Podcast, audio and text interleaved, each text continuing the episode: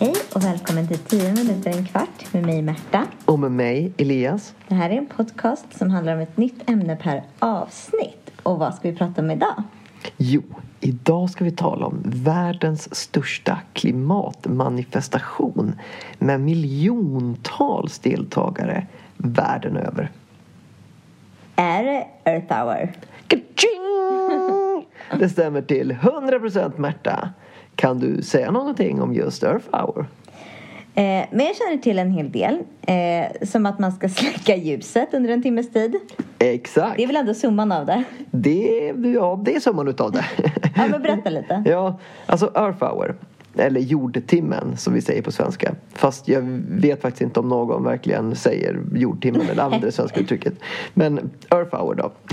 Det är alltså en internationell kampanj som uppmanar hushåll och företag att under en timme i första hand släcka belysning och om så önskas även stänga av alla icke-nödvändiga elektroniska apparater. Och det här gör man för att uppmärksamma den överhängande klimatfrågan. Eh, den här kampanjen då, Earth Hour, den sker årligen under den sista lördagen i mars eller veckan innan om det är så att påsken infaller den sista helgen i mars. Eh, och Earth Hour pågår alltid mellan två stycken eh, tidigare satta klockslag. Och de klockslagen är i lokal tid. Och det kan man förklara på så här sätt då, att Earth Hour, när Earth Hour är slut i Sverige så börjar Earth Hour i Storbritannien eftersom Sverige och Storbritannien eh, skiljer sig åt med en timme i olika tidszoner. Eh, och Earth Hour ska då, precis som vi sa innan, vara en mycket tydlig och visuell signal till makthavare om att nu är det dags att ta den här med klimatfrågan på det största allvar. Och den här kampanjen den drivs utav Världsnaturfonden. Okej, okay. så egentligen är Earth Hour mer än att vi bara släcker lamporna som jag sa. Det handlar alltså egentligen om att skicka en signal till våra makthavare att vi måste ta klimatfrågan på fullaste allvar. Precis så. Och då blir det ju faktiskt, måste man säga, väldigt, väldigt effektivt med en gemensam handling som också blir väldigt, väldigt visuell. Man märker mm. ju liksom att ja, nu släcks ljuset överallt. Just det. Men du, hur länge har vi hållit på med det här och, och var börjar det någonstans? Jo, den första Earth Hour hölls i Australien år 2007. Eh, det var den 31 mars och alla uppmanades att släcka mellan klockan 19.30 och 20.30. Och den här gången, alltså då, då 2007, mm. skedde det på initiativ utav Världsnaturfonden, en lokal australisk miljölobbygrupp och tidningen The Sydney Morning Herald. Okay. Mm. Och resultatet blev riktigt bra. 2,2 eh, miljoner Sydneybor och 2000 företag minskade, alltså genom att släcka och stänga av mm. elektroniska apparater, lyckades minska Sydneys elförbrukning med 10,2 procent. Oj, wow! Det är ju 10,2 procent får man ju säga väldigt mycket tycker jag. Men det måste ju bli bättre för efter 2007 har väl det spridit sig till väldigt många länder runt om i världen. Ja men yes, säger ja. jag då lite så internationellt. Mm. Ja men redan 2008 så expanderade Earth Hour till att bli en, en mer global kampanj. Eh, timmen då, alltså Earth Hour-timmen, mm. ägde rum den 29 mars eh, klockan 20 till klockan 21. Och nu var det omkring 400 städer som deltog 2008. Örebro var den första kommun som deltog. Eh, första och enda svenska kommun som deltog eh, 2008.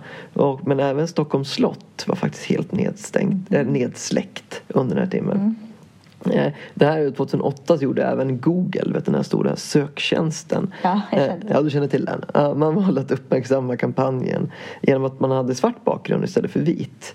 Men det har man faktiskt fått sluta med nu och det ska man inte göra fler gånger. Det ledde till en enorm eh, förvirring bland Googles alla användare. Mm. Snacka om snabbspridningen då.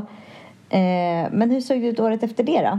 Jo, då är vi inne på 2019 och då inträffade Earth Hour den 28 mars mellan klockan 20.30 och 21.30.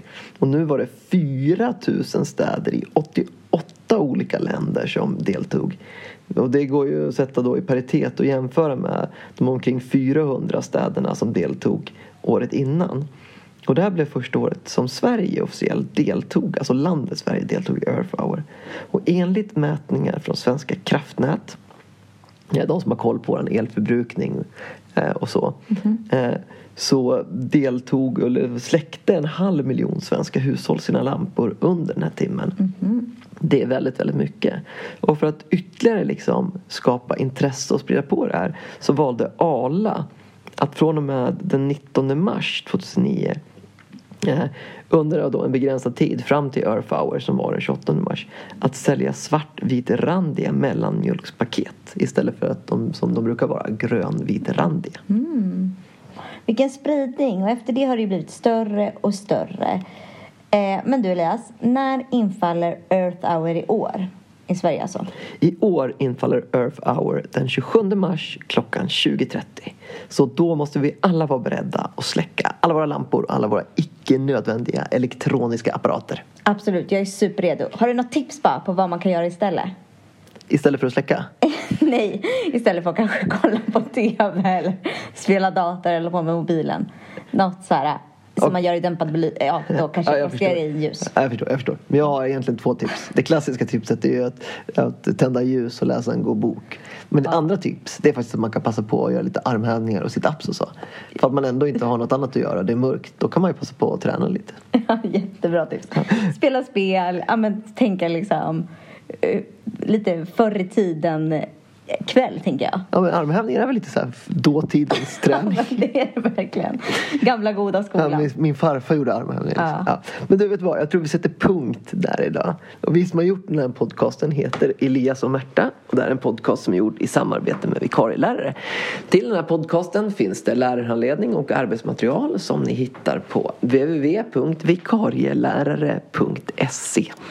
Eh, och där hittar ni materialet då i vår kunskapsbank och med lösenordet vikarielärare med litet v. Podden hittar ni även i våra sociala medier. Vi finns på Facebook som vikarielärare. Gå in och gilla oss. Och vi finns på Instagram som vikarielärare. Gå in och följ oss där. Eh, på vår hemsida så finns det jättemycket spännande material i Kunskapsbanken och även i webbshoppen. Och på Facebook så har vi Lärarnas kunskapsbank, en grupp som samlar i dagsläget ungefär 15 000 lärare. Gå in och ta del av jättemycket material och spännande diskussioner. Ha det så bra! Hej då!